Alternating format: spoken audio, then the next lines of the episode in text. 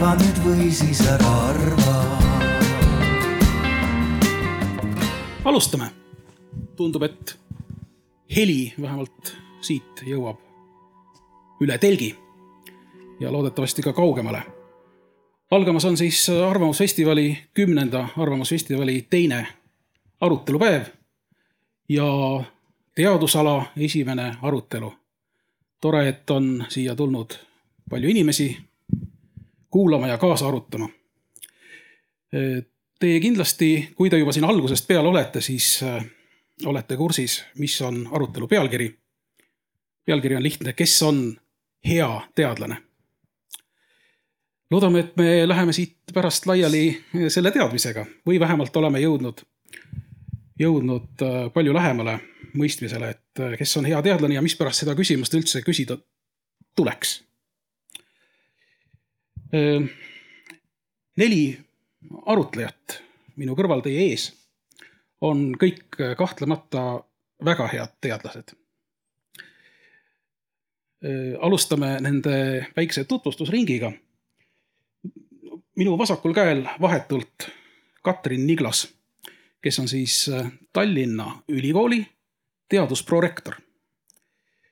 ja tegelikult taustalt ma tean, et äh, olete päris äh, mitmekesise huvide ringiga, mis ulatub nii informaatikast, didaktikast,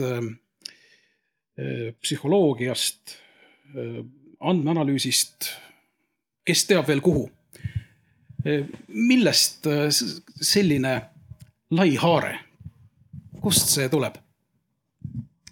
Aitäh äh, sellise tunnustuse eest, et äh, tõesti, ma olen teadusprorektor nüüd juba üksteist aastat olnud ja võiks ju mõelda, et et teadlasest pole enam õrna õhkugi, aga, aga olen tõesti püüdnud, püüdnud natukene ikkagi hoida oma sõrmed teaduses ka, aga see taust äh, on äh, võib-olla niisugune kõige õigem oleks öelda äh, selline kirg ja tung erinevate huvitavate asjade vastu, aga, aga samas sellised õnnelikud kokkujuhtumised. Inglise keeles on see hea sõna, see serendipitous event, et, et ma küll ei saa öelda, et ma neid asju oleks plaaninud, mõne asjaga on olnud võib-olla isegi nii, et, et ma olen just mõelnud, et, et see on see, kuhu ma kindlasti ei taha minna näiteks õpetajaks saada, aga lõppkokkuvõttes ikkagi õppisin õpetajaks ja, ja õpetan ka siiamaani, nii et, et aga kuna, kuna selline ähm, matemaatiline või statistika ja selle, see taust, see huvi või, või fookus, mille ma kuju, kujunes seal nende olude sees selliseks metodoloogia või meetodi inimeseks, et, et see on andnud hästi palju võimalust Tallinna Ülikooli raames siis põhiliselt väga erinevate valdkondade uurimisrühmades olla kasulik ja olla juures ja nende käest õppida neid erinevaid lähenemisi ja erinevaid arusaami meie maailmast nii et üks äh, tea-, hea teadlase tunnuseid võib olla ka selline lai pilk, mitmekesine vaade täna, täna kindlasti on vaja meil neid sõlmijaid, meil on vaja mõlemat pidi, et ühed on niisugused kitsas valdkonnas hästi sügavuti teadjad, aga, aga need äh, probleemid täna, mida lahendada tuleb, on väga mitmetahulised, interdistsiplinaarsed või multi või, või, äh, või trans või kuidas me tahame öelda. et selles mõttes kindlasti on vaja neid, kes äh, suudavad seda pilti, pilti kokku panna ja tuua neid erinevaid teadmisi kokku. Argo Rosin Te olete Tallinna Tehnikaülikooli äh, kaasprofessor tenuuris. see on selline küllaltki uudne ametinimetus ka Eestis. kaasprofessoreid ei ole meil sellise nimetuse all äh, kaua olnud ja ka tenuurist on alles viimasel ajal hakanud, hakanud juttu olema. võib-olla jõuame oma arutelus ka mm, selle, selle teemani. aga see, millega te nii-öelda erialaselt äh, olete tegelenud. no võib öelda, et äh, see on üks elektrivärk, üks tark elektrivärk. Äh, ma ei oskagi võib-olla siin äh, ise paremini iseloomustada, aga võib-olla te ise ütlete, mis on see teie tegevusvaldkond ja kas see teie arvates on lai nagu Katrinil või kitsas, nagu ka võiks olla? Äh, tegelikult ma olen teadusprodekaan ka. vabandust. inseneriteaduskonnas. see on mul siin kirjas, aga aga libisesin üle, vabandust, tõesti. ei, ei midagi vabandada ei ole vaja, et mulle lihtsalt meeldib alati seda võrdlust tuua, et inseneriteaduskond on peaaegu sama suur kui Tallinna Ülikool. aga äh, kahtlemata tänane teadlane peab olema laia ja kaugeleulatuva vaatega, et äh, ja tänane hea teadlane peab samamoodi mm, olema nagu, nagu kuidas, kuidas küsidagi, pigem küsiks niimoodi, et äh, seal, kas on grupijuht, on hea teadlane, hea grupijuht või on äh, ühes konkreetses kitsas valdkonnas, et mina arvan, et hea teadlane on nagu dirigent. ja hea dirigent selles mõttes, kes oskab üksikutest inimestest äh, kokku panna, kes igaüks on oma konkreetse kitsa valdkonna professionaal ja tunneb natuke ka külgnevaid valdkondi. Ähm, nüüd, mis puudutab minu tausta, siis äh, jah, mina tegelen elektritarkvõrkudega ja see eeldab äh, tegelikult üsna interdistsiplinaarseid teadmisi. see eeldab teadmisi nii IT-st, energeetikast äh, ja paljust muust ja minul võib-olla on nagu kaugem taust ongi IT-taust. et ma olen tegelikult äh, IT-tehnik ja üsna tugeva, omal ajal ka üsna tugeva IT-tausta hariduse saanud. ja hiljem siis energeetikat õppinud, elektri kvaliteet ja tänased energeetika ja, ja elektrivõrkude probleemid on üsna tuttavad. Eneli Kintsiko esindab meil siin Tartu Ülikooli täna meil on siin kõik äh, suuremad äh, kõrgkoolid peaaegu täielikult esindatud. ja teie olete siis, ma olen nüüd loodetavasti äh, täpne, kvalitatiivareng, kvalitatiivuuringute kaasprofessor. nii et jällegi kaasprofessor ja majandusteaduskonnas. samas nagu võib näha teie etise leheküljelt, olete alustanud hoopis filosoofina. nii baka kui ka, kui ka magistrialal. kas filosoofia annab majandusteadlasele hea aluse olla hea majandusteadlane? jaa, kindlasti annab filosoofia väga hea aluse, eriti just kui on teadusfilosoofia seal all et äh, näiteks toon selle, et äh, tippajakirjades, näiteks juhtimise valdkonnas on teadusfilosoofia kohustuslik lausa. et pead teadma, mis on ontoloogia, epistemoloogia, metodoloogia, nende alustalad, et see on tippajakirjade baastalad tegelikult. et ma ütleksin, et filosoofiaharidus on väga praktiline, kui sa oskad seda pärast elus rakendada. Ehm, kas saaks täpsustust, sellepärast et tavaliselt äh, filosoofia vähemalt nii-öelda tema avalik kuvand on midagi kas väga hägust või hämarat. majandusteadlas on, teadus on seejuures midagi, midagi väga kindlat, kus on graafikud, valemid. ma ei nõustuks, et filosoofia on hägune, filosoofia pigem õpetab inimesi lugema raskeid tekste ja ma arvan, see on päris vajalik oskus tänapäeval. eriti just teadlasele, sest teadusartiklid kipuvad olema keskmisest raskemad. et ma arvan, et võib-olla filosoofid ise peaksid seda kuvandit natukene muutma või parandama, aga kindlasti ma ei oleks nõus, et filosoofia on selline hägune ala. pigem just hästi kasulik ala, vähemalt minu puhul on see osutunud väga kasulikuks, et tänu filosoofiale olen ma majandusteaduses kas Katrinil on midagi filosoofia kohta ja ma tahtsin selles mõttes siia vahele tulla just, et tegelikult äh, tõesti see võib-olla avalik kuvand võib olla, aga, aga kui sinna päriselt sisse minna, siis ju äh, filosoofia on matemaatikale sellele väga lähedal oma loogika ja struktuurse mõtlemise ja, ja põhjenduste äh, ülesehitusega, et, et selles mõttes noh, saab, saab mõelda ja tegutseda seinast seina. ja Madis äh, Raukas peab veel ootama natukene, sellepärast ole et lugu., et ka Argo Rosinal on, on üht-teist pakilist öelda meie praeguse ma tahtsin seda öelda, et jätkuks. filosoofia on kindlasti klaaslagesid murdev, et tihtipeale filosoofiat aetakse segamini ideoloogiaga. ja need on kaks täiesti erinevat asja, et filosoofia on ideo-, peaks olema ideoloogiast vaba. et täiesti nõus. aga Madis Raukas, te olete üks näide niisugusest äh, teadlasest, kes on pikalt töötanud ettevõtluses. täpsemalt siis niisuguses äh, vägagi tuntud äh, ettevõttes nagu Osram, mis teatavasti teeb valgustusvahendeid, ma ei tea, kas need lambikesed, mis meil siin telgis on, on ka Osrami toodang. võib-olla ongi. ega nüüd pilguga ei oska peale vaadates kohe, kohe öelda. jah, see vastab tõele jah, Osram oli pikalt oli Siemensi osa äh, esimestel äh, kümnenditel seal. Nende konkreetsete lampide kohta ma ei tea, aga Osrami kuvand on tegelikult muutunud nüüd pikalt juba. et seal on tegu rohkem sensorite ja, ja pooljuhtide ja kõige sellisega, et, et see nagu need lambid ja valgustus ja see on jäänud nagu kergelt tahaplaanile ja paar aastat tagasi Osram läks kokku ühe Austria sensorfirmaga ja AMS-iga. nüüd on see AMS Osram, kes siis, kelle, kelle sensorid ja kelle, kelle valgusallikad on enamikus nutitelefonides, enamikus kõrvaklappides, sellistes kohtades. no kui kokkuminemistest rääkida, siis äh, ettevõtluse arendamise sihtasutus ehk EAS on nüüd kokku sulandumas äh, asutusega nimega KredEx. Seda nimetatakse ühendasutuseks praegu ja, ja te olete nüüd seal hoopis tegev.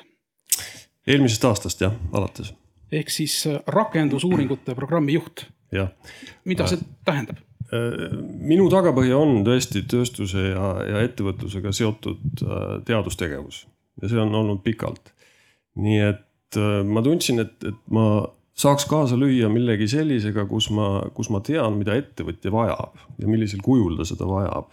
Kui on juttu teadmuse arendamisest või, või uue toote arendamisest või nii edasi.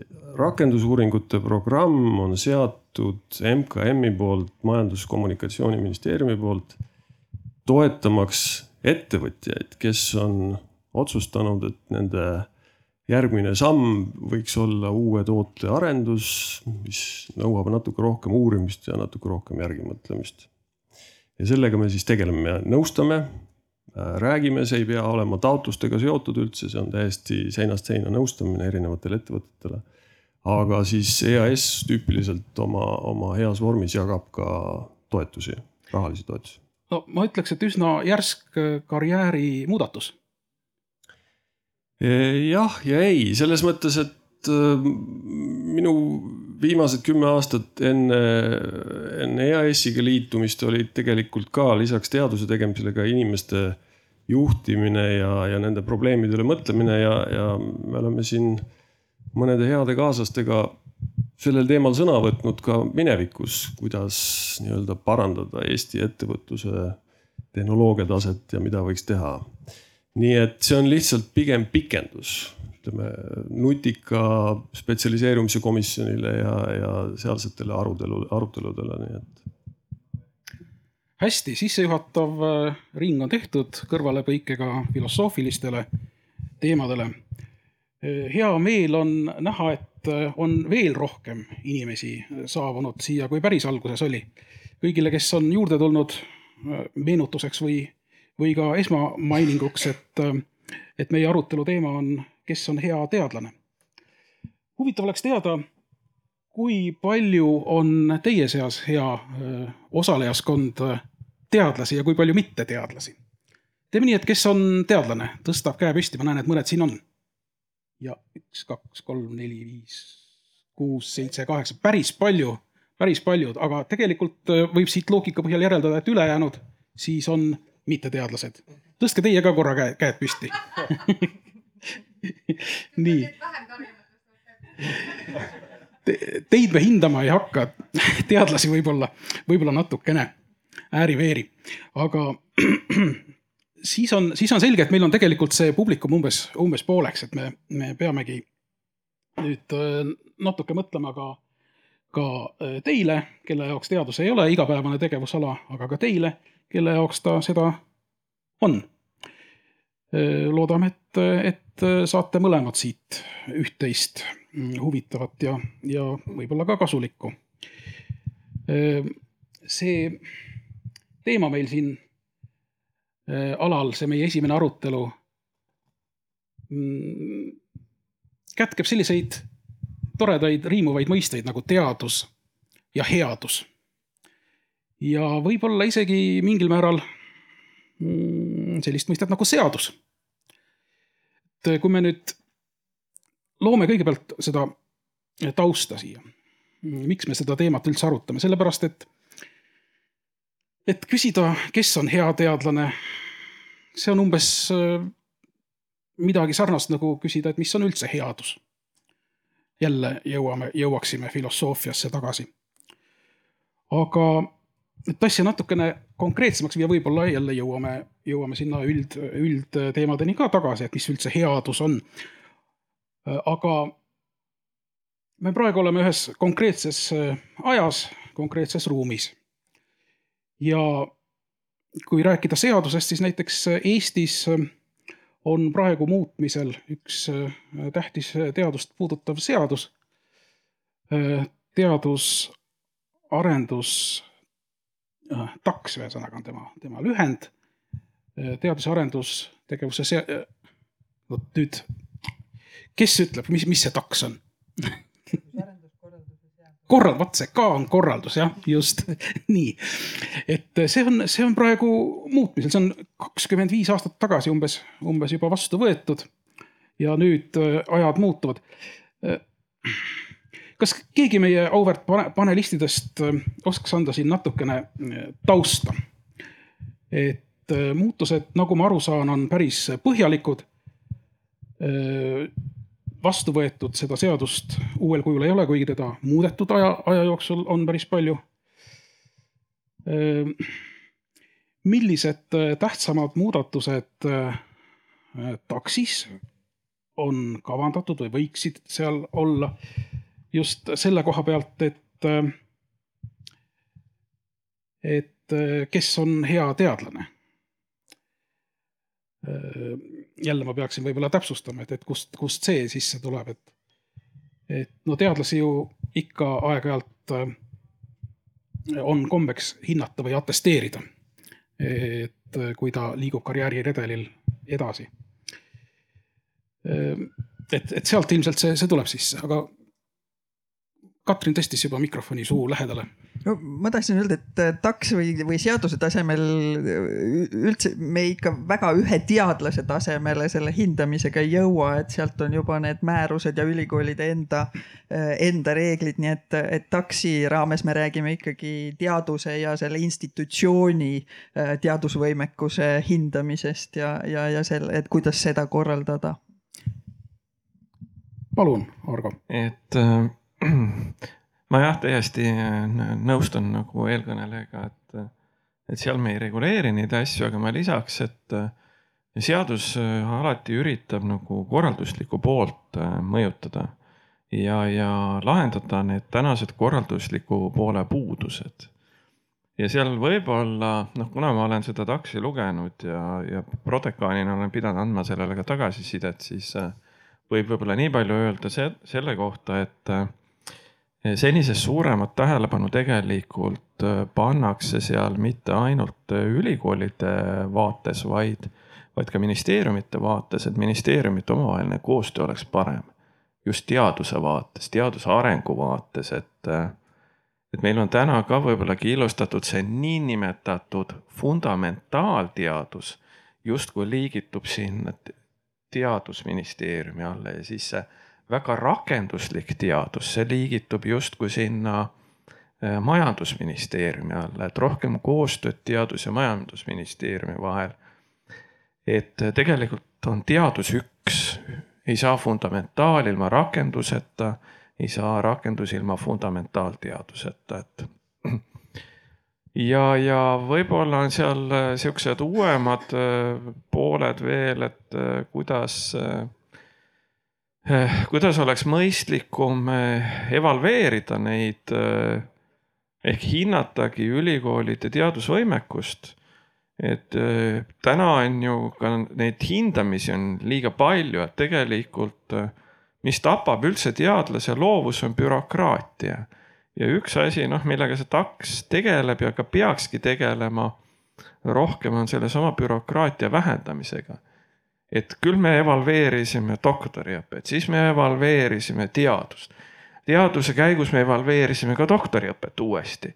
et ühesõnaga, et sihukesed mõttetud tegevused, korduvad tegevused välja jätta selge, nii et äh, TAKS tegeleb ikkagi peamiselt sellega, kui me räägime headusest, siis, äh, siis äh, kuidas hinnata piisaval määral ja, ja mitte liiga palju just teadusasutusi jah, ja siin võib-olla üks, üks moment lihtsalt juurde tuua ongi, et miks ta võib-olla see protsess on meil natukene pikaks veninud, ongi, et see, see, see, et kus tehakse teadust ja mil, mis on, mis on vajalik teadus, on nii palju laienenud, see maailmapilt, et on raske nagu neid kokkuleppeid saada, et ülikoolid ja, ja, ja teistsugused teadusasutused ja ettevõtted, kus, kus ka tehakse oma praktilistes vajaduses teadust, et seda kokku tuua ei olegi nii lihtne vahepeal ja. nägin jah, et Madisel äh, on soov. tahtsin lisada siia jah, et minu metoodist vaadates on, on sinna tekkinud sõnad nagu innovatsioon ja ettevõtlusega seotud rakenduslikud tea,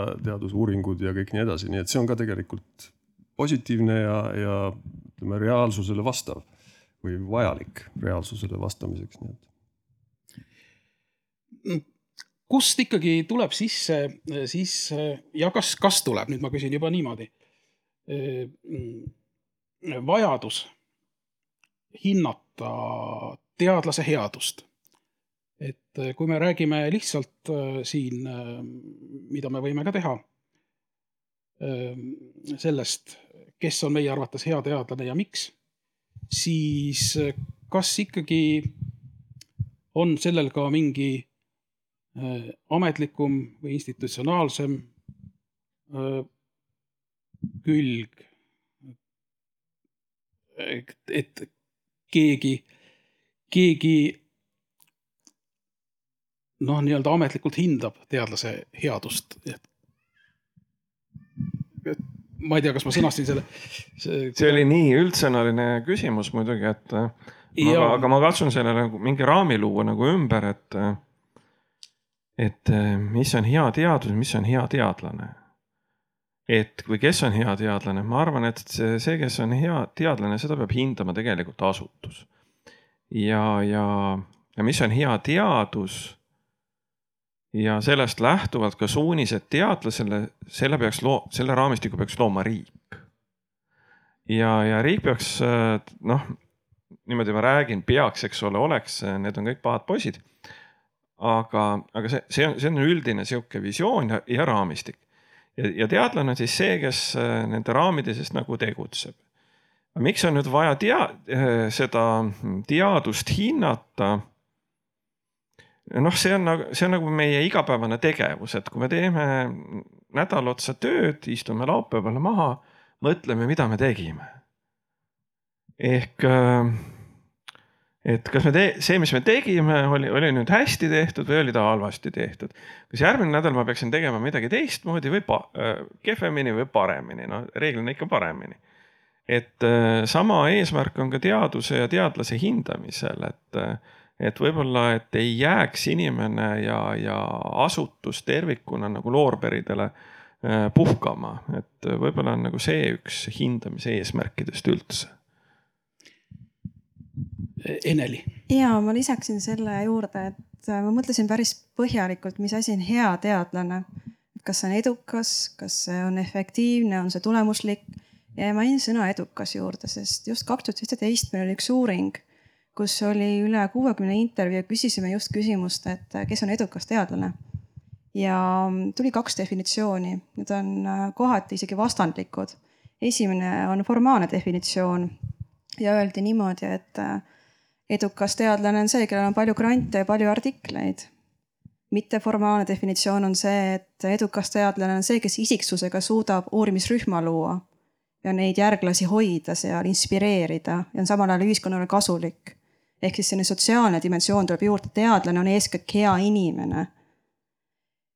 et kui nüüd vaatame kahte osa, kas nad on alati koos, ei pruugi, ideaalis võiks olla ja kui võtta töölepingu järgi, siis me teame täpselt, mida meid hinnatakse, et mitme doktoritöö mahus artikleid peab sul olema. et see on väga, väga kindel igas ülikoolis, ma arvan, igal ametiastmel.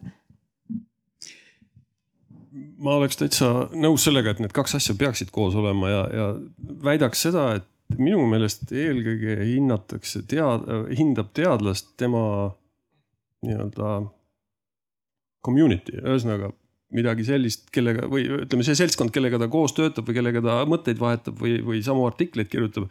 selles mõttes, et, et mida tsiteeritakse, mida loetakse, kuhu suunatakse oma üliõpilasi vaatama, sõltub ikkagi selle töö kvaliteedist, nii et ennekõike on hea teadlane see, kes teeb järjekindlat, süstemaatilist, faktidel põhinevat, korratavat teadust, eks ole, sellist, mida on võimalik õpetada, mis läheb pärast õpikutesse ja, ja kelle juurde sa saadaksid oma, oma üliõpilase peale äh, kraadi saamist.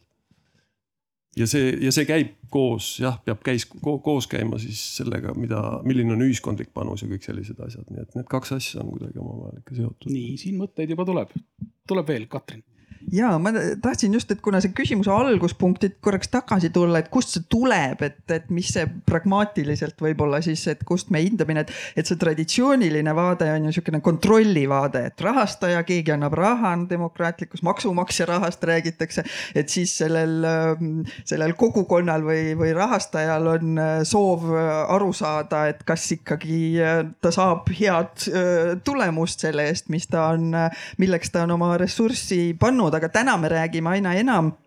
Ja ka, ja ka siis ta läheb niimoodi vaikselt sinna regulatsioonidesse kõrgemalt kuni siis institutsiooni tasemele välja, on see, et, et äh, vaade, et, et see teadlane ise äh, soovib olla edukas ja hea.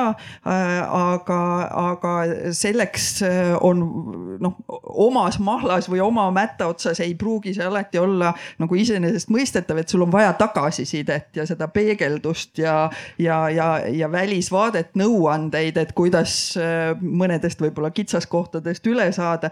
nii et see, see niisugune karjäärimudeli Äh, pool, et, et kui on noor inimene, alustab oma teed ja, ja, ja tahaks, et, et selle, selle kinnituseks siis, siis niisugune, niisugune ühest küljest see, et, et jah, tõesti, et kas sa oled valmis sellele järgmisele karjääriastmele äh, minema ja vastama sellele tasemele, teiselt poolt, et kuidas sa sinna saaksid, mis sa peaksid tegema äh,, on selle hindamise niisugune uuem, uuem filosoofi filosoofiline suund või mõte seal taga ja. ja no sinna karjäärimudeli juurde ma tegelikult äh, püüdsingi jõuda selle, selle oma võib-olla suhteliselt ebaõnnestunult sõnastatud küsimusega. et ähm, karjäärimudel on ju ka praegu muutumises, vot needsamad mõisted nagu kaasprofessor ja, ja tenuur, mida ma tutvustasin siin kui äh, suhteliselt uusi mõisteid et ehm, ahah, üks küsimus on, on ka publiku seast. publiku jaoks on meil äh, siin minu ees laual üks roheline, roheline kuubik ah,. rohelise kuubiku toimetab rohelises kleidis daam küsijani. ja see on viskemikrofon, seda jah, igaüks äh, siis äh, saab ise visata täpselt järgmisele küsijale, kui on õige aeg. tervist, aitäh, et äh, sain mikrofoni äh,. väga tore arutelu äh,. ja vabandust, kui ma teie narratiivi segan äh,. ehk siis, et äh, hetkel tundub, et arutelu läheb kuidagi sinna või eksisteerib selles nii-öelda noh, ingliskeelses mõistes ivory tower on ju, et, et me oleme teadlased, me elame kuskil mingis väga kitsas kihis ja siis on küsimus see, et milliseid äh, atribuute kellele anda, et, et defineerida, et ta on hea või ei ole, eks ju. Aga võib-olla, kui tohib, ma natukene võib-olla laiendaks arutelu, et äkki, äkki kõige parem teadlane on see, kes polegi ametlikult teadlane. äkki kõige parem teadlane võiks olla kuskil mingisuguses ettevõttes või isegi eraisiku tasemel inimene, kes proovib teaduslikku meetodit enda elus rakendada, elada nii-öelda examined life'i ehk siis, et, et ta, ta, ta üritab mõista, mis toimub, ta üritab tõlgendada, üritab rakendada mingisuguseid mõistlikke meetodeid, et enda äri arendada, et enda elu arendada, et enda keskkonda ja ühiskonda arendada. lihtsalt väikene. no ja tegelikult me nüüd mingit otsapidi jõuame osaliselt tagasi mm, teadlasele, teadlaseni ettevõttes näiteks, kuigi ma saan aru, et küsimuse asetus oli praegu hoopis laiem. Mida te arvate sellest, kui tõmmata see teadlase mõiste ikkagi päris laiaks ja siis sellega ka hea eh, teadlase, teadlase mõiste võib filosofeerida võib ka natuke, eks ole.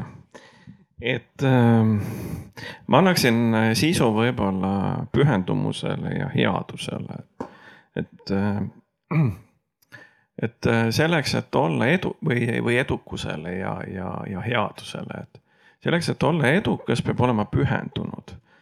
miks pühendunud? mu endine kunagine kolleeg ütles kunagi väga hästi, et selleks, et olla edukas, pead sa alati natukene rohkem tegema kui keskmine. ehk siis sa oled edukas. ja, ja kui me oleme nagu pühendunud, oleme edukad ka headuse puhul on tegelikult üks eeltingimus on, on pühendumus ja headuse puhul on teine eeltingimus on enne en, ennast ohverdamine, ohverdavus võib-olla, see ei, see ei kõla võib-olla nagu hästi. aga mm, sa jätad nagu selle enesemina natukene mingiks hetkeks kaugemale. aga mis puudutab nüüd seda kuidas ma ütlengi, see on nüüd definitsiooni või ups, see on nüüd definitsiooni küsimus, et kuidas me teadlast üldse defini-, defineerime. et, et loomulikult võib teadlast defineerida ka niimoodi, et noh, ja ka mo- mobiilsusmeede täna, mis on, mis tegelikult suunab teadlased üldse erasektorisse järjest rohkem, et, et sellisel juhul nagu ka see niinimetatud ülikooli teadlane liigubki erasektorisse. aga kui nüüd filosofeerime selle peale, et mis on üldse teadlase, teadlast iseloomustavad omadused, siis on teadustöö. ja mis nüüd eristab teadustööd nii-öelda tavalisest tööst, on teatud liiki metoodiline lähenemine. et kui see inimene, kes on seal eraettevõttes metoodiliselt läheneb oma tegevustele, siis võib teda tõesti nimetada teadlaseks ehk teadusmetoodiliselt läheneb. aga hea teadlane siin karjääriredelist oli ka juttu, et ma räägiksin natukene võib-olla, kui lubate veel. et noh, Tehnikaülikoolis oleme me üle ülikooliliselt arutanud seda asja, tegelikult me oleme kuus kriteeriumit välja toonud, mille järgi me hindame teadlast kas ta sobitub sinna te, tenuuri, ta ei sobitu, sobib ta teaduriks ja nii edasi. Ja üks asi on publitseerimine. et noh, see on niisugune klassikaline teaduslik nähtavus, sellega hinnatakse teaduslikku nähtavust. teine on rahastamine ehk tegelikult hinnatakse sinu organisatoorset võimet, nii nagu erafirmagi, tegelikult teadusgrupp peab olema võimeline ennast ise rahastama siis on seal õpetamine ja juhendamine, et need on, see on ka sihuke hästi oluline.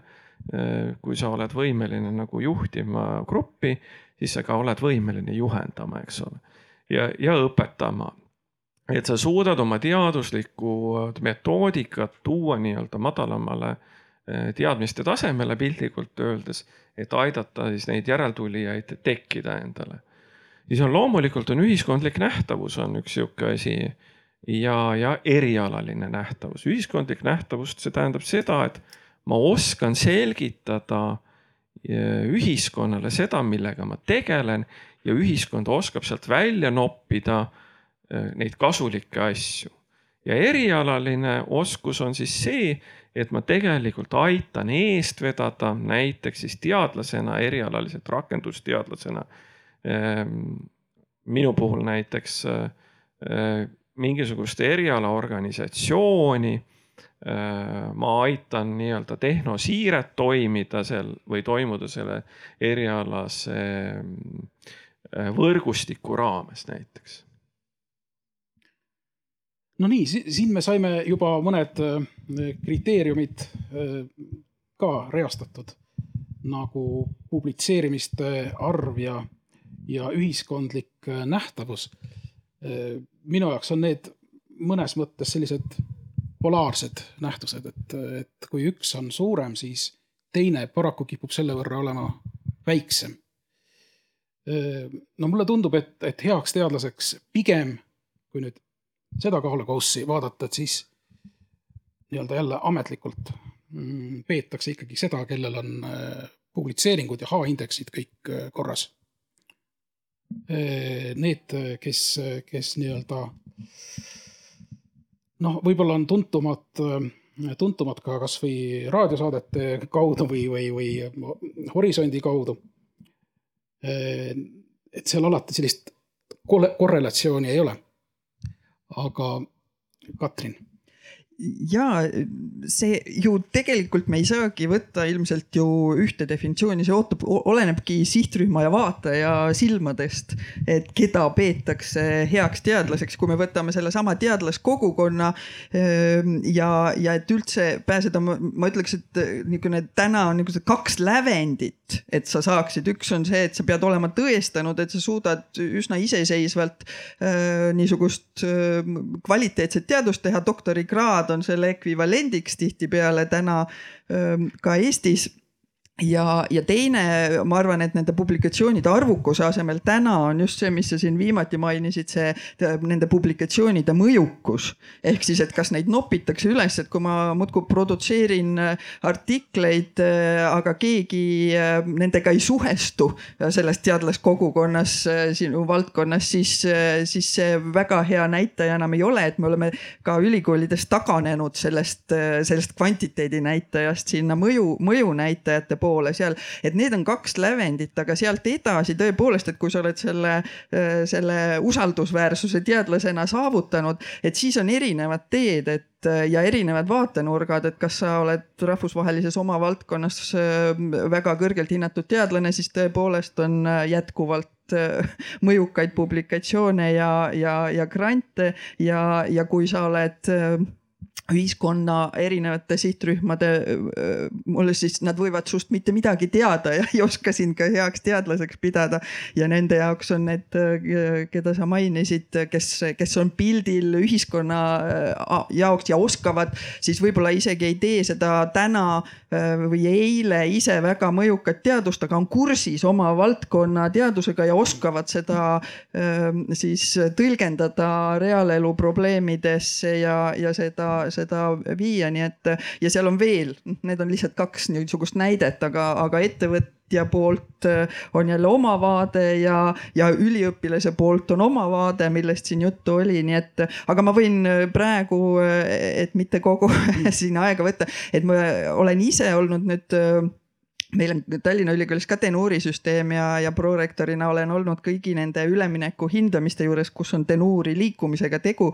ja, ja, ja ma olen tegelikult täiesti üllatunud, et meil on terve suur hulk tippe, kellest kõik need omadused on, nii et, et kuidagi, kuidagi ikkagi see tippude tipud on need, mis on väga-väga laialt suudavad, suudavad väga mitmes suunas olla nähtavad ja edukad nii hea teadlane, eriti hea teadlane on, on eriti mm, hea mm, väga erinevates vaadetes. Eh, Argol oli ka vahepeal üks mõte. Äh, mul tekkis juba vahepeal mitu mõtet, aga äh, ma tahtsin tegelikult publiku eelneva küsimuse juurde, et äh, muuseas tahtsin lisada, et mitmed suurettevõtted omavad oma arenduskeskuseid, kus tehakse ka teadust, kus tehakse väga head teadust ja, ja on olemas ka tööstusdoktoriõpe, et äh, kõikides ülikoolides, et kus seesama inimene võibki, kes teeb seal ettevõttes väga head teadust, noh piltlikult öeldes võib tulla ja kaitsta doktorikraadi. et doktorikraad, see, see lihtsalt tegelikult iseloomustab mingit teadmiste taset mm. -hmm. ja mis nüüd puudutab siin see hea teadus, ma tahtsin rääkida sellest ja Hashi indeksist siis äh, Euroopa Liidus praegust äh, töötatakse strateegiat välja või, või ma ei teagi, mul ei tule täpselt see nimi meelde. aga mm, seal öeldakse pigem seda välja, et me ei peaks keskenduma ainult hash-indeksile. kas publikus kõik teavad, mis on hash-indeks? kes ei tea, käsi püsti. seletaks ära selle, see on. et äh, hash, hash-indeks tegelikult iseloomustab teadlase publitseerimist. Ja see indeksi number näitab seda, kui palju sind tsiteeritakse. kui see hash-indeks on viis, siis äh, piltlikult öeldes äh, vähemalt viis artiklit on saanud viis kõik need viis artiklit on saanud viis tsiteeringut, kui on kümme, siis tähendab, et kümme artiklit, kõik kümme artiklit on saanud vähemalt siis kümme tsiteeringut. Ja nii edasi, mida kõrgem see on, seda, seda rohkem sa oled nii-öelda publitseerinud ja seda rohkem tsiteeritakse. et sellega hinnatakse nii-öelda teadlaskonnas tänapäeval siis teadlaste nähtavust. ja muuseas Euroopa Liidus seesama mm, dokument seal ka öeldakse, et tegelikult ei peaks panema ajakirjade impact'ile nii palju rõhku, nagu pannakse. nii et, et selles vaates nüüd, nüüd ma, eks ole, kiidan küll natuke Tehnikaülikooli, et Tehnikaülikoolil on tehtud just see karjääri äh, korraldus on selles vaates tehtud üsna mitmekesine, et me ei hinda ainult hash indeksid, et me hindamegi neid muud näitajaid ka. ja ta on üsna kooskõlas sellega, mida siis täna äh, Euroopa Liidus plaanitakse. üks vaheküsimus siia täpsustuseks, et, et ähm, minu arvates ju see ka ajakirjade impact faktor ehk see mõjufaktor, mis näitab ajakirja, ajakirja enda mõjukust. See just läheb sinna mõjukuse juurde, et kuidas seda siis nüüd vähem arvestatakse kui seni, et äh, kui mõjukust just rohkem arvestatakse? ei, seal on nagu see mõte on, et ähm, see ju peaks olema ainus kriteerium. et äh, täna on hästi suur rõhk pandud hash indeksile, kui millist, kui suure mõjukusega ajakirjades sa avaldad ja siis oli ähm, aa ah,, selge, sealt liigub ära praegu see. ja sealt fookus, liigub ta jah. nagu rohkem äh, sihukeseks laiemaks mm.. seal oli üks veel, mul ei tule hetkel meelde, et võib-olla hiljem tuleb meelde, siis mainin. selge kas, kas võiks tagasi minna selle teema juurde ettevõtluses või ettevõtetes teaduse tegemise koha pealt, ma hea meele, hea meel on kuulda seda, et, et äh, seda tunnustatakse, et ettevõttes võib olla ka häid gruppe ja häid teadlasi ja nii edasi ja, ja see küsimus oli sealt ka nagu sellest vaatepunktist vist natukene, et, et ettevõttes eksisteerib äh, hulk teadlasi, kes võivad olla ka head.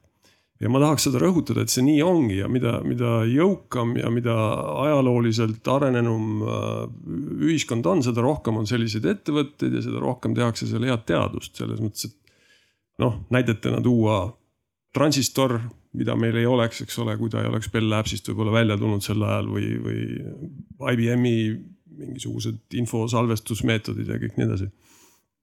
et Eestis on seda mõnevõrra vähem või isegi palju vähem kui mujal. aga tegelikult see on üsna prevaleeriv viis teadust teha ja näiteks mina valisingi tookord selle peale kraadiõpet otse selle tee, et, et tegelikult tööstuses, ettevõtluses sellise asjaga tegeleda. ja väide on tegelikult, et publikatsioonid võivad olla vähemalt sama head eraettevõtlusest tulles kui akadeemilisest asutusest. aga paraku Eestis nagu seda, seda karjääri osa, see ei ole vähemalt nii nähtav, et, et sellist tööd tehakse ja selline võimalus on ja. ja üks meie programmi ja, ja noh, nüüd siis EAS-i eh, suundi või, või äh, soove oleks, et tegelikult arendada seda ja sinna suunas läheb tööstusdoktorantuur, eks ole, kus siis tegelikult heal tasemel doktorandid teevad ettevõtte jaoks midagi sellist, millest on võimalik edasi arendada tooteid ja nii edasi. Nii et, et elu võimalikkus või teadlase elu võimalikkus eraettevõttes on, on täiesti olemas ja tehakse heal tasemel teadust ma annaks tegelikult Eneli Kinsikule ka vahepeal sõna, sellepärast et ta pole kaua aega saanud sõna. ja just ma pikin vahele siia, just ma lähtun natukene uuringutest ka, sest minu põhiteema ongi akadeemiline tööturg ja kuhu lähevad doktorid Eestis.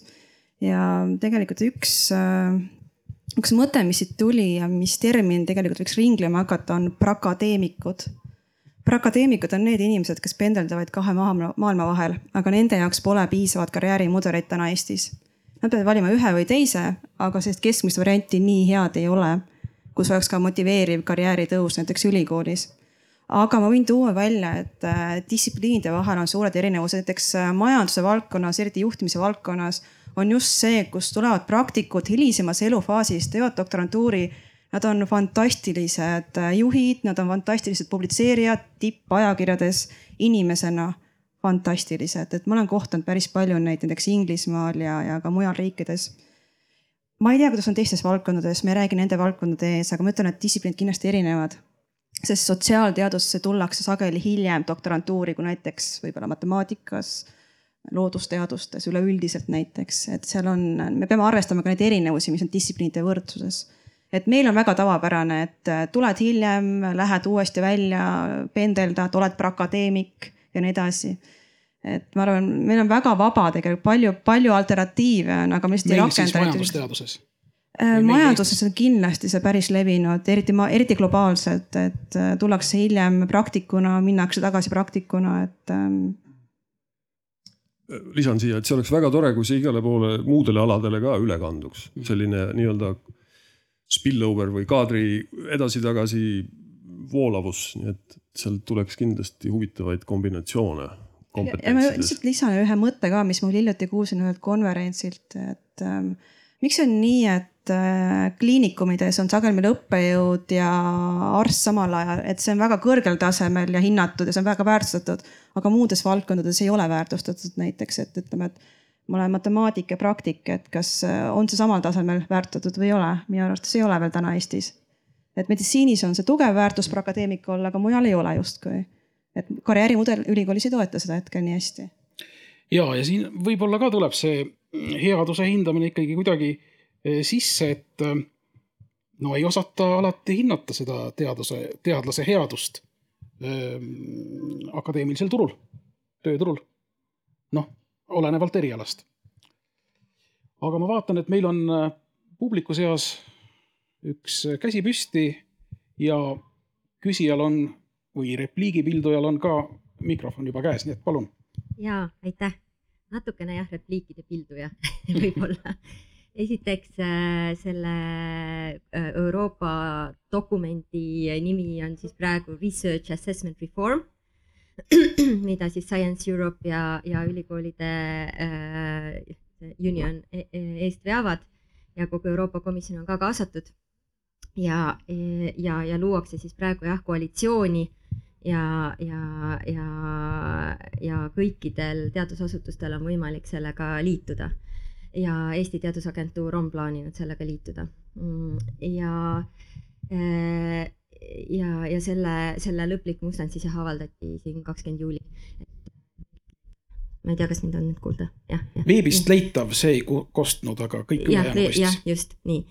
ja, ja, ja tõesti siis äh, selle eesmärk on ka ja et, äh, et nagu siin kõlas, et, et seda äh, et seda vaadet äh, muuta, et kuidas äh,, kuidas äh, teadlase karjääri arengut äh, hinnata.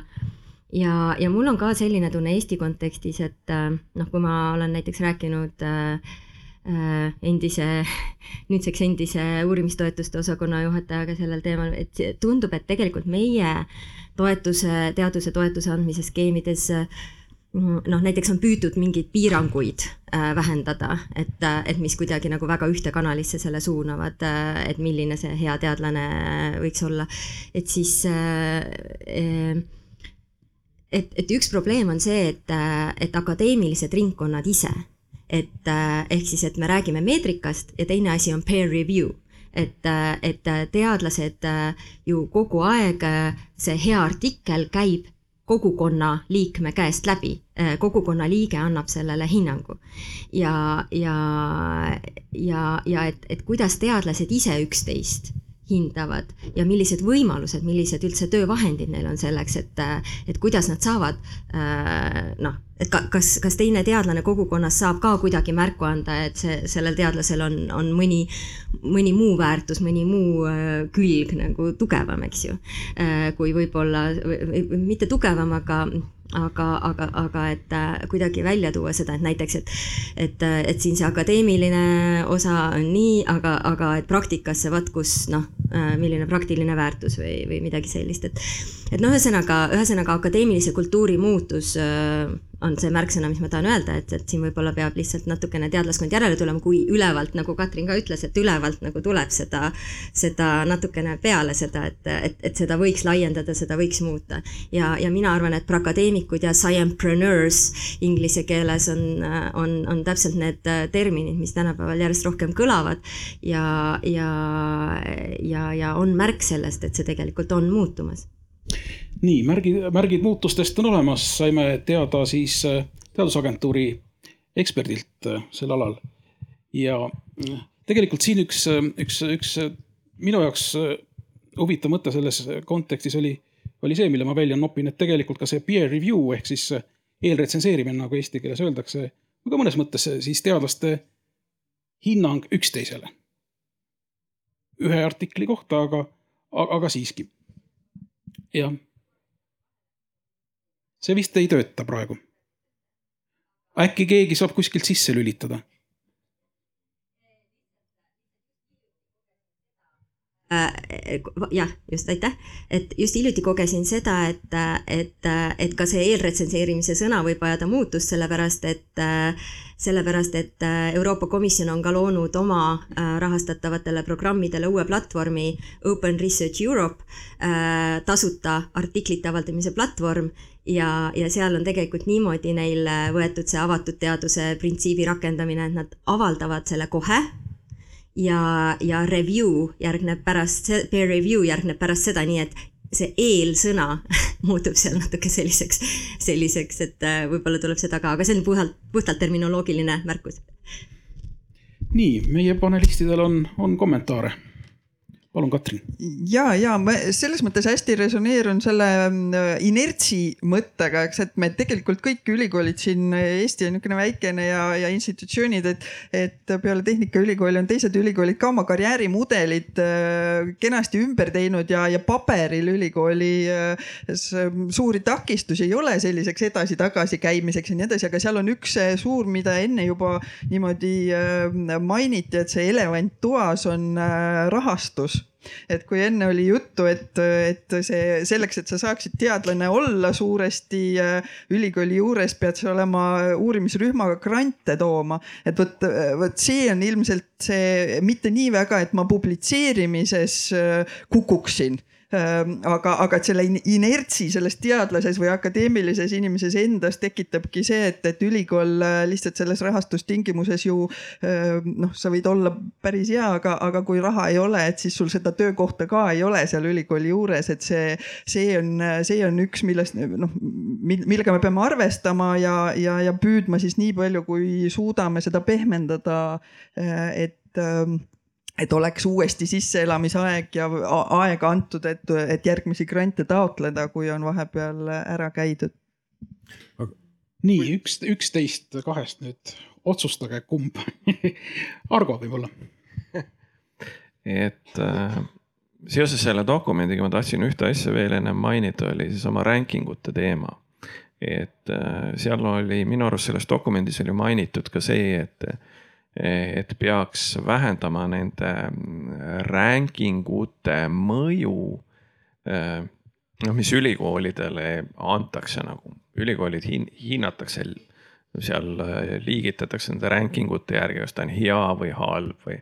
et, et see, see ei tohiks laieneda nagu teadlaste peale, et mõnes kehvemas ülikoolis võib olla väga häid teadlasi ja nii edasi ja siis ma tahtsin ennem äh, Madisele lisaks öelda äh, kaks asja õigemini on, äh, üks on, mis on seotud ka eelkõnelejaga publikumist, on see, et et mõned ettevõtted, näiteks ABB arenduskeskused ja niisugused suurfirmade arenduskeskused tegelikult väga ei taha publitseerida.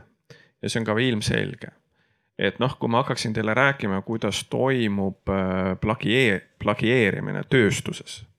et äh, siis te naer-, naeraksite, et, et, et kuidas piltlikult öeldes äh, tuleb terve Hiina ekskursioon igale üle, igale hiinlasele on konkreetne ülesanne antud jätta meelde üks, teine ja kolmas detail tööstuses ja, ja niimoodi plagieeritakse tegelikult kogu tööstussõlm ära. et see selleks, et see juba sellepärast ei publitseerita et isegi kui natukene midagi avaldatakse, siis tegelikult on see järgi tehtav. nüüd, kui me räägime USA-st ja, ja räägime ka Saksamaast, et USA-s on nagu elementaarne on see, et headel teadlasel ehk professoril kuskil ülikoolis ongi oma ettevõte ehk ta ongi eraettevõtja lisaks et see on nagu elementaarne, et kui sa oskad nagu eraettevõtet omada ja sul on nii, nii palju ideid, siis see näitabki, et sa oled tegelikult hea teadlane. Saksamaal on natuke teistmoodi. ma ei tea nüüd, kas see rakendub ka ülikoolide kontekstis, aga ma tean, et see rakendub väga selgelt rakendusülikoolide kontekstis et rakendusüli, teatavasti Saksamaal on see süsteem, et kui sa professoriks saad, siis sa oled elu lõpuni ja, ja kui sa pensionile lähed, siis sul säilib professori palk kaheksakümne protsendi ulatuses. ehk piltlikult öeldes, kui sa saad viis tuhat eurot palka, siis, siis pensionärina sa saad neli tuhat eurot palka. ja seal on, valik on kaheastmeline selleks heaks teadlaseks. Sa pead olema tööstuses töötanud arendusjuhina või mingi sarnasel positsioonil kus sa pead olema peale doktoritöö kaitsmist näidanud oma kogemusi, see on nii-öelda rakendus siis äh, ülikoolidesse kandideerimisel. lisaks ja, ja hinnatakse nii-öelda neid tulemusi, mida sa tööstuses oled saanud, enne kui sind üldse sinna valitakse. siis teine aste on tegelikult see, et sa räägid, mis on sinu visioon. Ehkki mida sa teed tegelikult või plaanid teha selle tulevikus veedetava aja jooksul seal rakendusülikoolis. et nii-öelda, et äh, on sihukese väga tugeva seotusega äh, nii-öelda professuure, teadlasi erinevates riikides ja, ja tegelikult ka meie liigume sinna, kas ühel või teisel moel, vähemalt teatud valdkondades. loomulikult ei ole mõtet rääkida fundamentaalteadlastest. fundamentaalteadlased on siis kes, kes peavad e-, ennustama eriti pikalt ette, ütleme niimoodi, et nende teadus peab olema nii pika vaatega, et piltlikult öeldes alles kahekümne aasta pärast. Äh, ma natuke utreerin, eks ole, aga piltlikult öeldes kahekümne aasta pärast siis saab sellest mingisugune rakendatav asi. Ja rakendusteadlane on see, kes, kes piltlikult peab nägema ette kuskil viis, kümmekond aastat ja, ja suutma luua siis midagi sellist, mis on nii-öelda rakendatav selles ajaraamistikus. kas äh, publikust keegi soovib sekkuda, praegu on selline äh, hea aeg. Äh, ma lihtsalt tahaksin rõhutada seda, et meil on siin selline kaasav, kaasav üritus. Tundub, et, tundub, et soov on, aga palun siis see soov realiseerida ka kiiresti. vabandust, võib-olla, et enda sedasamat punkti edasi lükata natukene, et võib-olla see kõige parem teadlane on see see teadlane, kellele on lihtsalt kätte antud teaduslik meetod, kellele on õpetatud, kuidasmoodi hüpoteesi püstitada, kuidasmoodi andmekvaliteedist aru saada, kuidas endale head meetrikuid seada ja enda mõjuanalüüsi teha natukenegi. igale ühele, mitte mingit formaaljuriidilist, mitte mingit formaalset tausta, lihtsalt teadusseeme mulda. Vaata, kas haakub vaata, kas ta saab sellega edu kuidagi saavutada enda äris, elus, kuskil mujal ja minu arust see ongi kõige parem teadmine. selleni ma tahtsin jõuda. natuke selle esimese küsimuse kordus. põhimõtteliselt küll, aga läks ikkagi kuhugi selle nii-öelda formaalteaduse äh, suunda teie jutt, onju. aga, aga ma mõtlen siis selle pealt, ma ise, ise mõtlen enda peast, mis siis saaks, kui see teadus mitte ei tehtaks null koma ühe protsendi inimeste poolt, vaid tehakse selle üheksakümne protsendi inimeste poolt madalamal tasemel ja praktilisemal tasemel selle nimi on harrastusteadus või no kodanikuteadus, jah. kes on hea harrastusteadlane? teadusliku mõtteviisi rakendamine tavaelus lihtsalt, et see võiks laiemalt juhtuda kas ma tohiks sekundeerida siia sellele, mis, mis Argo ütles ja, ja Katrin ka, tähendab, äh, mina näen ka kindlasti seda, et, et mingisugune hübriidvorm akadeemilise ja ettevõtluse või rakendusliku elukutse vahel võiks olla tulevikus rohkem prevaleeriv või rohkem nähtav. Et tegelikult õppejõud, professor, akadeemilise grupi juht ei pea ära minema koormuselt üks koma null nulliks, vaid see võib olla seal vahepeal ja, ja see on see pendeldamine, mis võiks juhtuma hakata, et selles mõttes, et seda kogemust korjata nii-öelda rakenduslike aspektide poole pealt ja siis edasi ikkagi õpetada, sest tegelikult see, see sümbioos või see, see koos, kaks asja koos, ma arvan, on kõige viljakam. Ja, ja see ei pea tähendama tegelikult ettevõtte omamist, kuigi seda on tõesti üsna palju. Ühendriikides on, on Saksamaal ja, ja mujalgi et, et sa pead olema omanikuna ettevõttes, sa võid olla ka nõuandjana, sa võid olla teadusdirektorina, sa võid olla konsultandina ettevõtlusega seotud ja samal ajal teha oma akadeemilist tööd edasi, nii et ühesõnaga selline hübriidne eksisteerimisvorm. kui sul on selline mõtlemine, siis seda saab rakendada ühel ja teisel pool. et üks, et see ei ole must ja valge, see, see mudel, see on tegelikult kirju. selline asi välja visatud mm. -hmm nojah, see, selliseid asju tuleb, ähm,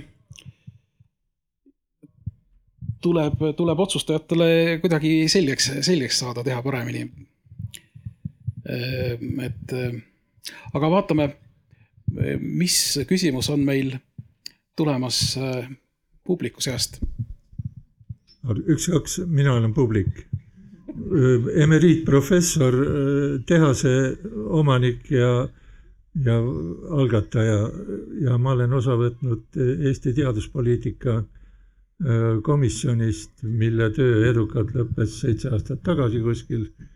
ja me tundsime väga suurt äh, puudust sellest, et Eestil puudub äh, riiklik teaduspoliitika, millega saaks tööstuse ja, ja teaduse probleemid sünkroniseerida ja teadusest saakski olema nähtav või funktsionaalne side raha teeniva tööstusega. esimene kord, kui ma Teadusagentuuriga kokku puutusin, siis Andres Koppel olümpias tegeles niisuguse asjaga, ettekanne oli tal teemal, et kuidas Eesti, see oli ikka tema alguses, töö alguse perioodil, et kuskilt välja lugeda, kui palju ikkagi teadus annab Eesti majandusele eh, lisa ja kogu selle kahetunnise ETAG-i konverentsi jooksul ei osatudki näidata neid seoseid, et ja see ei ole üllatav ka, sellepärast et praegu ikkagi räägitakse siin promillisest teadlaskonnast, tema esi, tema nii-öelda tähtsusjärjestikku seal sees, promilli sees, kuidas teadlasi järjest, järjestikku panna ja kui pannaksegi järjestikku formaalsete parameetrite järgi, siis tuleb välja, et, et me saamegi mitte pikkuse järgi, aga, aga formaalsete teadusparameetrite järgi saame kümme parimat Eesti teadlast. ja kui me siis võtame ette mingisugused kümme suurimat äh, majandusharu, tööstusharu, siis tuleb välja, et need üldse ei lange kokku.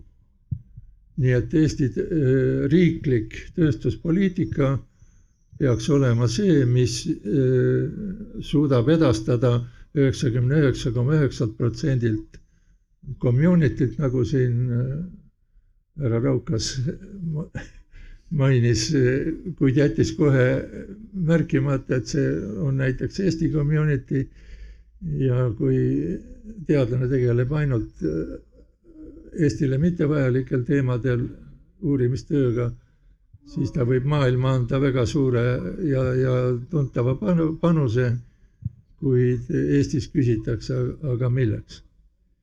nii et äh, teaduspoliitika peakski ütlema, et teatud tuntav osa äh, ühiskonna ja majanduse poolt tekkinud probleemidest, akadeemilistest probleemidest, need võib lähetada näiteks promillisele teadlaskonnale lahendada ja üks viisteist protsenti võiks siis olla Eesti eluga mitte seotud äh, probleemid, aitäh.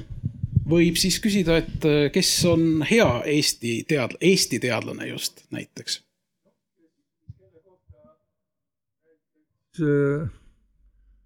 Mart Helme ei küsiks, et äh, kui ta sise, siseministriks oli, et jumal küll, kust, kust see uurimisteema on võetud nii et äh, aga kui ta üritas äh, uurijale anda uurimisteemat, siis tuli välja, et niisugust võimalust ei olegi olemas.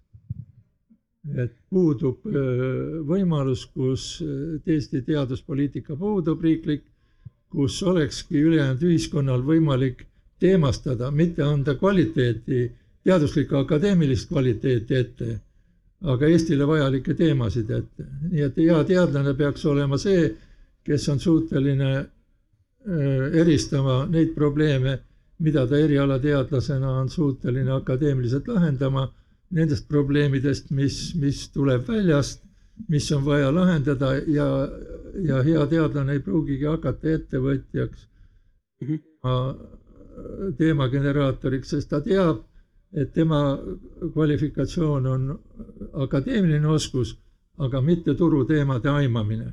see, mis on jälle väga hea näiteks tehase tootearenduse seltskonnal.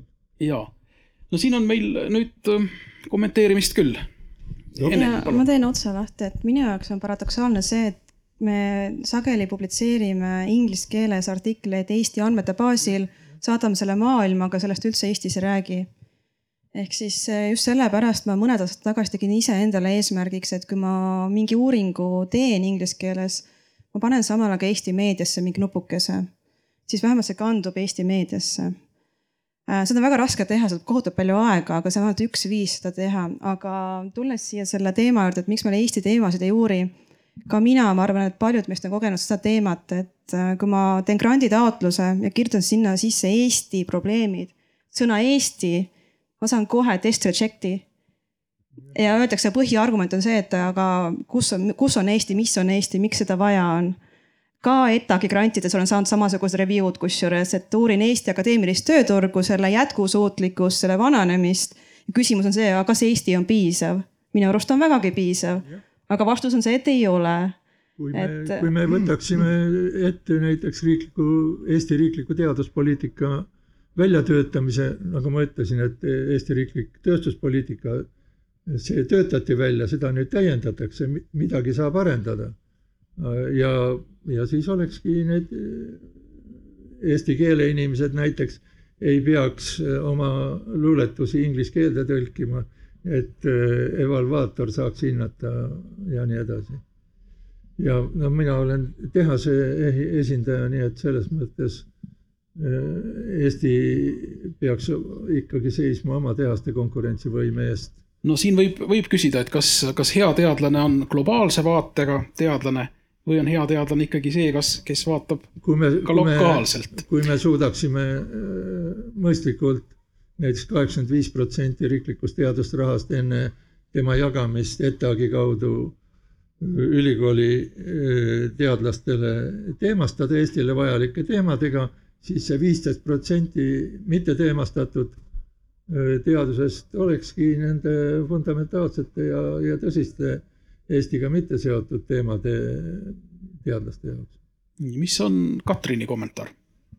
ma muidugi äh, ülikooli poolt vaadates äh, toon ikka selle akadeemilise vabaduse ja ne, kõigepealt lauda, aga tegelikult ma natukene tahan öelda, et, et me ikka sinnapoole oleme ju liikunud, kui me ei võta ainult neid Eesti grante, kus, kus tõesti on ekstsellentsuse ja, ja vabaduse äh, ja, ja maailma taseme küsimus, siis meil on aina enam ministeeriumite käes teadusraha selle uue taksi muudatuse ja sellega seonduvaga läheb, läheb aina rohkem, nii et, et see noh, ministeeriumid peaks oma valdkondades siis seda ühiskonda praegu esindama. Ülikoolid oma sellises ressursinappuses vaatavad väga selgelt ja ootavad ka ettevõtluse ja asutuste poolt, kellel, kellel on soove ja probleeme, aga muidugi paraku nad peavad siis ka ise suutma natukene rahastada seda Äh, seda tellitud uurimusi, nii et, et et, selles mõttes äh, ja ka kui me mõtleme need Euroopa rahad, struktuurifondide ja tõukefondide rahad on ju, äh, meil on täie strateegia, kus on nutika spetsialiseerumine, muidugi me püüame kavalad olla ja neid võimalikult laialt äh, tõlgendada, aga siiski, et me oleme olnud erinevates kogudes ja, ja kokku leppinud, et mis on see Eesti, Eesti nutikas, kuhu, kuhu on vaja ja, ja tõepoolest ikkagi püüdnud fokusseerida seda vähest ressurssi ressurssi, mis meil on. no aga siin on selle nutikusega on niimoodi, et seda ei ole määranud äh, üheksakümmend üheksa koma üheksa protsenti, seda on määranud suurel määral teadlased, nii et, äh, et äh, ongi see teaduse värk Eestis on liiga teaduskeskne. et inimese, kui öeldakse, et pange, tõstke see teadusprotsent protsendini null koma kuue pealt siis, siis on väga imelik, et, et keegi ei ütle, et mida, et esmasena peaks ikkagi korda panema selle, et uuritaks seda, mis Eestil vaja oleks ja siis saab tõsta. kui, kui teaduspoliitika seda paika ei pane, mida uurida, siis võiks tõsta selle protsendilt ju saja protsendi peale. ja, ja tulemust siis loota on täpselt sama hea kui protsendi korral. ja no seda, seda valdkonda me oleme nüüd päris pikalt arutanud, ma arvan, et äh, Argo ja Madis äh, ja võib-olla veel keegi.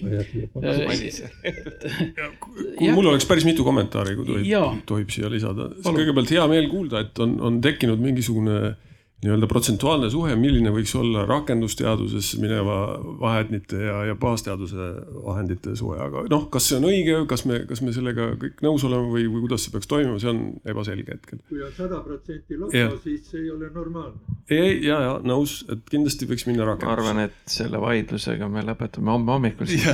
ei, aga ma tahan, ma tahan natuke teha reklaami meie sellele rakendusuuringute programmile ja sellele vaatele, mis sealt nagu tuleb, et üks ei välista teist tegelikult. seitsekümmend viis protsenti protsenti nendest vahenditest, mida majandusministeerium jagab, mis MKM on, on põhimõtteliselt uus raha teaduspõllul ja liigub tagasi sinna, kus on kompetents, seal, kus on teadlased, seal, kus osatakse asju teha teaduslike meetoditega.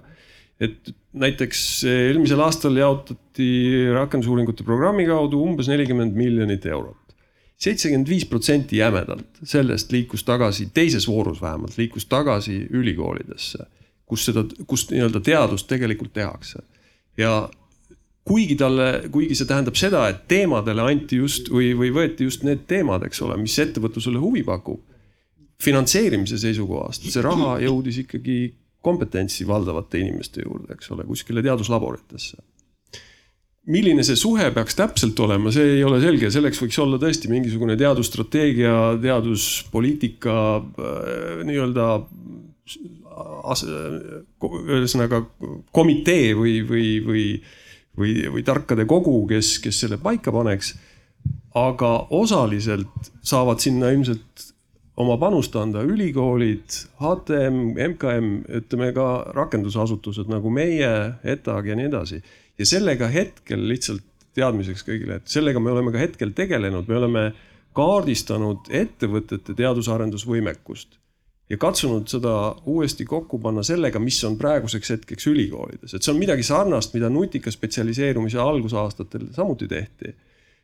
Aga see küsimus, mida meie küsime, on nüüd see, et millisest ettevõttest oleks kõige tõenäolisem oodata järgmise aasta-kahe-kolme jooksul uusi tooteid või uut sellist nii-öelda puhangut teadus-arendustegevusele.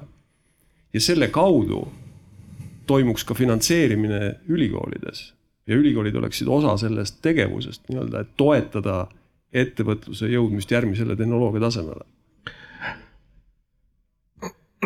ma tahaksin selle raha poole nagu kokku tõmmata, et ma ei, et muidu me jäämegi siin arutama selle üle, et, et raha on alati vähe ja, ja ma arvan, et selle üle ei ole mõtet üldse arutadagi tegelikult. Ja ma arvan, et äh, meil elu liigub ikka palju, on liikunud palju paremaks, näiteks äh, vot siinsamas Madis mainis seda, et rakendusuuringute programm, et tegelikult rakendusteadustesse on raha liikunud järjest rohkem ja liigub edaspidi, arvestades seda uut taksi ja nii edasi, et ma arvan, et meil siin nagu muretseda nii väga ei olegi otseselt vaja.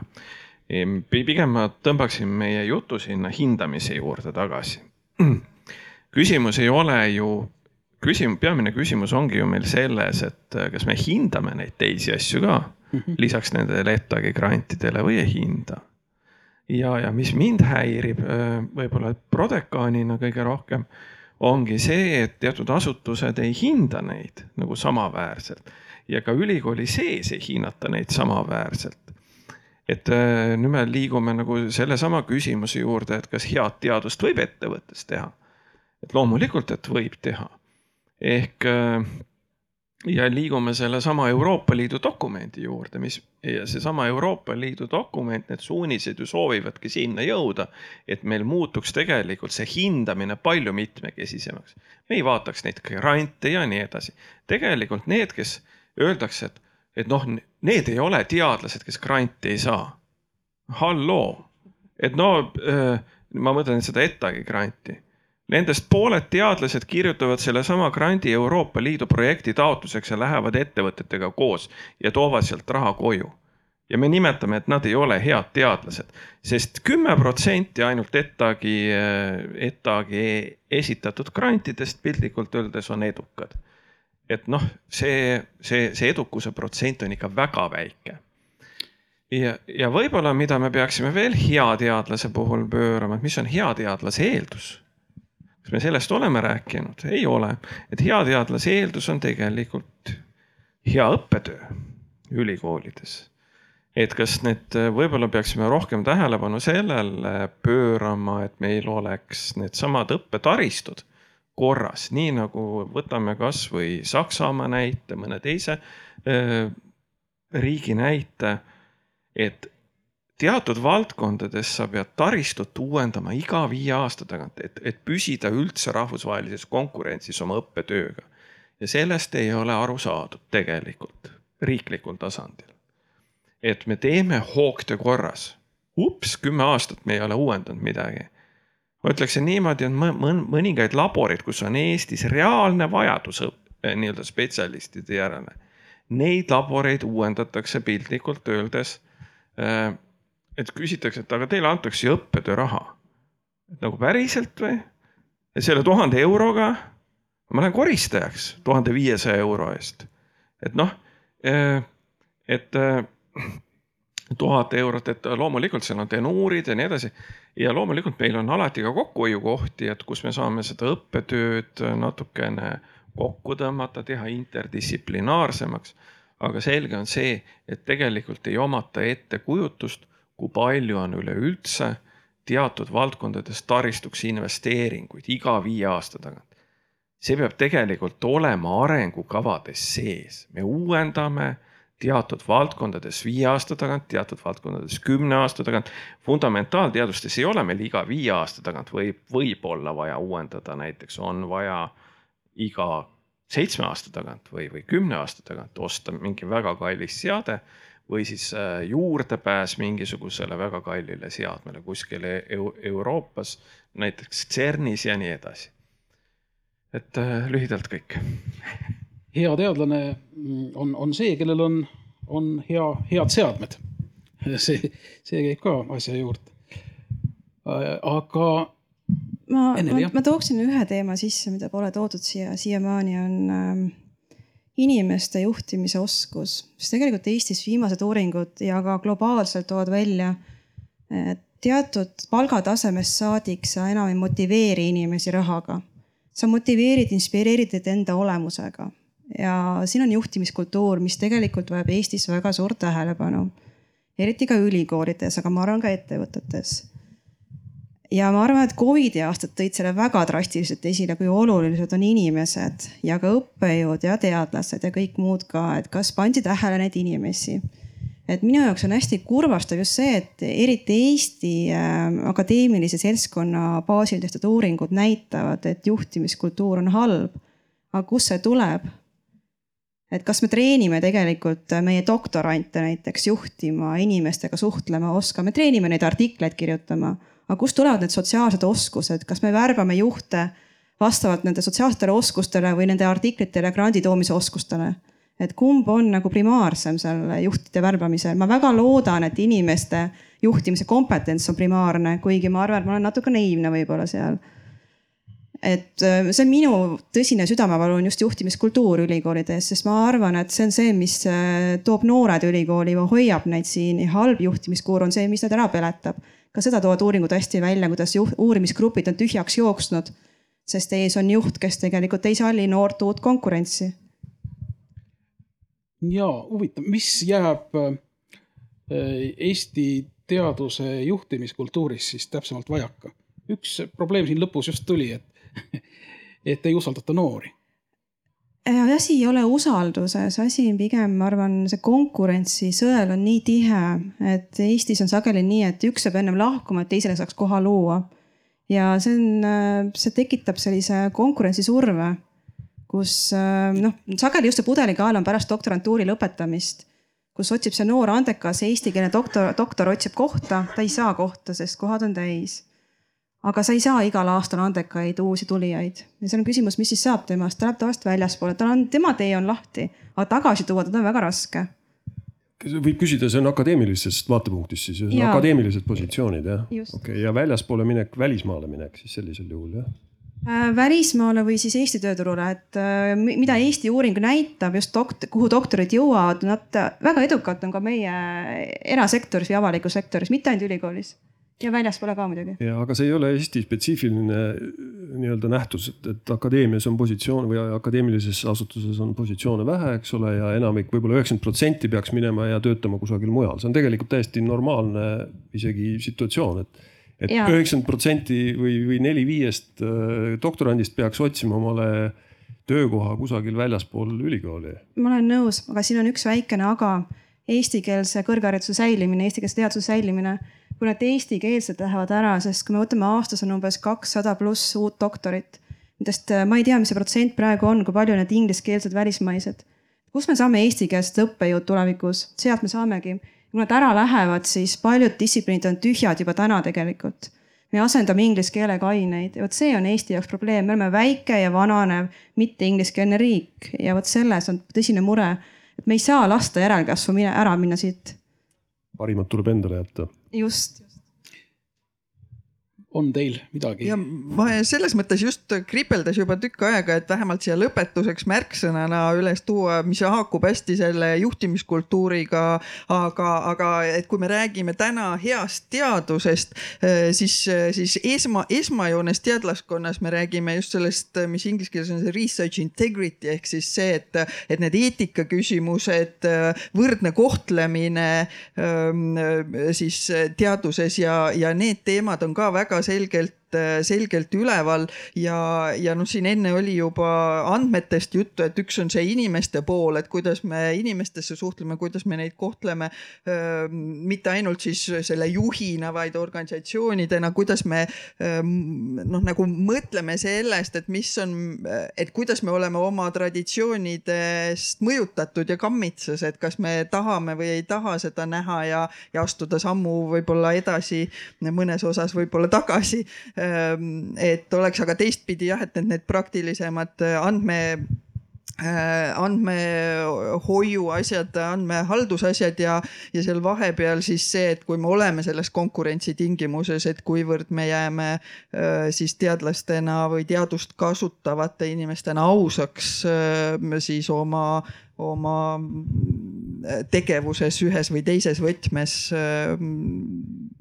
austades siis teiste, teiste poolt mõeldud ja viidates õieti ja, ja, ja tihtipeale need, et kuna tänapäevane teadus ja see ümbritsev on nii keeruline, et siis ma ei tahagi väita, et siin oleks eelkõige pahatahtlik tegevus, et, et see on lihtsalt see, et kui me nende teemade üle ei mõtle, nendest ei räägi, siis need juhtuvad kogemata sellest samast vanast inertsist, mis, mis meid edasi mõjutab ma enne natuke utreerisin selle tuhande eurose palgaga, ma tahtsin selle nagu ära korrigeerida, et tegelikult hea teadlane teenib ikka alla kolme tuhande euro naljalt ei teeni. et hea teadlane teenib mõnikord viis tuhat eurot ja mõnikord ka seitse või kaheksa tuhat eurot, eks ole.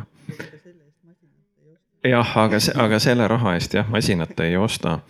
aga nüüd seesama hea teadlane, et äh, ühiskonnas on meil vaja vot seesama teema, mida siin mõlemalt poolt esile tõsteti, et eestikeelne teadlaskond. et kui me võtame seitsmest doktorandist kuus Iraanist äh,, Ukrainast ja nii edasi, et ma ei taha öelda, et nad ei ole äh, head inimesed, head noorteadlased või noorteadlase hakatised, kahtlemata. ma ütleks niimoodi, et Iraanis ja Ukrainas on väga tugev haridussüsteem säilinud. aga üks oluline murekoht on hoopis see, et me ühiskonnas tegelikult ei hinda seda doktorikraadiga inimest ja ma ei tahagi osundada kellegi poole. see on meie enda teadlaste asi hakata rõhutama seda, et seda tuleb hindama hakata. ja tõestada ka oma tegudega, et, et äh, see on oluline. et see on ikkagist kvaliteedimärk.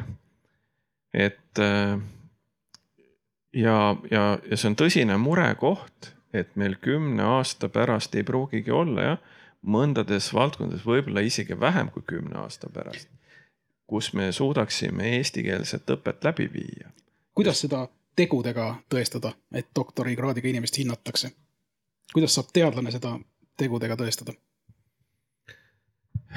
jõuame jälle sellesama hindamise juurde, eks ole, et mida me täna hindame et kui me hindame neid publitseeringuid, siis ühiskonnas ei saagi olla see teadlane väga nähtav. sellest hetkest, kui me hakkame hindama ühiskondlikku nähtavust, teadlase ühiskondlikku nähtavust, kui me hakkame tema erialalist nähtavust ehk erialaorganisatsioonides, siis ta tulebki järjest tugevamalt ka esile ja kui me hindame ka tema organisatoorset ja administratiivset võimekust ehk, ehk siis seda raha tuua, siis ka see, ka sellega me tegelikult anname tugeva signaali. Ja ütleme niimoodi, et seesama noh, võib-olla ma utreerin natuke jälle, ma, ma kipungi intrigeerima vahest, et et seesama Ukraina või Iraani doktorant, kes kaitseb oma doktorikraadi ta ei ole siin võimeline kohe seda projekti juhtima hakata. et äh, nendest vähesed, kui ma võrdlen nagu eestlasi ja, ja miks see on nii, sest eestlasel on alati võimalus valida e, erasektori lepingute vahel, nendesamade rakendusuuringu projektide vahel, grantide vahel, see valikuvabadus on palju suurem. ja võime, võimekus. publiku seas üks inimene, kes on kannatlikult oodanud oma, oma järge aitäh. ma tahtsin natukene tulla pehmema poole peale. natuke võib-olla lähemale. Eh, natuke pehmema poole peale, mida Ene-Li Kintsiko tegelikult natuke puudutas. et me oleme rääkinud sellest, et head teadlast hinnatakse publikatsioonide, grantide, uurimisrühmade, ühiskondliku mõjukuse alusel, aga kuidas suhestub sellesse see, et ja kas peaks suhestuma, et hea teadlane võiks või peaks olema hea inimene? vot nüüd jõudsime tegelikult ühe fundamentaalse küsimuseni välja. ma arvan, et see ongi vastus tänasele küsimusele. hea teadlane on ka hea inimene, sest siis ta inspireerib järelkasvu ja pärast teda ei ole tühjus. kui see tühjus pärast teadlast on, siis on midagi väga valesti seal ruumis grupis olnud. suurepärane kiire kommentaar veel siia lõppu, tähendab ühesõnaga see ähm, professori hindamine või ütleme, teadlase hindamine. kui te küsite, kuidas üliõpilased hindavad näiteks oma juhendajaid või, või professoreid ammu-ammu, kui mina tööd otsisin, siis omavaheline jutt oli see, millise professori kaudu on kõige rutem ja parem töökohta leida. et ühesõnaga, kas selle professori sidemed ja, ja tema nii-öelda äh, isiklik võlu on selline, mis avab sulle mõne ukse ja, ja selle järgi üliõpilased omavahel arutasid, et ei, et selle, selle professoriga ei ole mõtet koostööd teha näiteks. ja meil hakkab küll arutelu aeg nüüd otsa, otsa saama. me tegelikult lõpu, lõpuringis on osalemisvõimalus veel. Eh, me tegelikult väga... defineerisime selle hea teadlase või headuse ära eh, diskussiooni alguses. headus, see tähendab pühendumust ja eneseohverdust. Katrin ka ja, ja ma tahtsin natukene ikka vett sogada selles mõttes, et ma olen absoluutselt nõus, et hea teadlane peab olema hea inimene ja inspireeriv juht, aga, aga kogemus ütleb küll niimoodi just ka veel, kui äh, vaadata üliõpilaste silma, et sellised mm, siis säravad või karismaatilised isiksused, nad kipuvad äh, see, see, see hinnang teiste poolt siis väljast, kas üliõpilaste või teiste poolt on polaarne tihtipeale, et ühed on väga vaimustuses ja teised teised, teistele on see siis liig, see karisma või, või, või siis, et siis nad on üsna kriitilised, nii et ega siin ka ei saa niisugust, et, et teadusmaailmas, kui sa oled niisugune liiga pehme, liiga pehme ja kõigile meeldid, siis sa ilmselt ei löö läbi, tahtsin, tahtsin siia öelda, nii et, et siin peab ka natukene vaatama. siin peab seda hea inimese definitsiooni natukene vaatama. vähemalt pealt peab kõva olema, seest võib pehme olla ja, aga tore, et me jõudsime sellise üldistava peaaegu et kokkuvõtteni. oma poolteist tundi väldanud arutelu lõpuks. tore, et et äh, saite osaleda. Äh, järgmised küsimused võib-olla siin väiksemas ringis. aga ametlik osa on sellega lõppenud, suur tänu kõigile panelistidele. selge see, et ega kõike teha.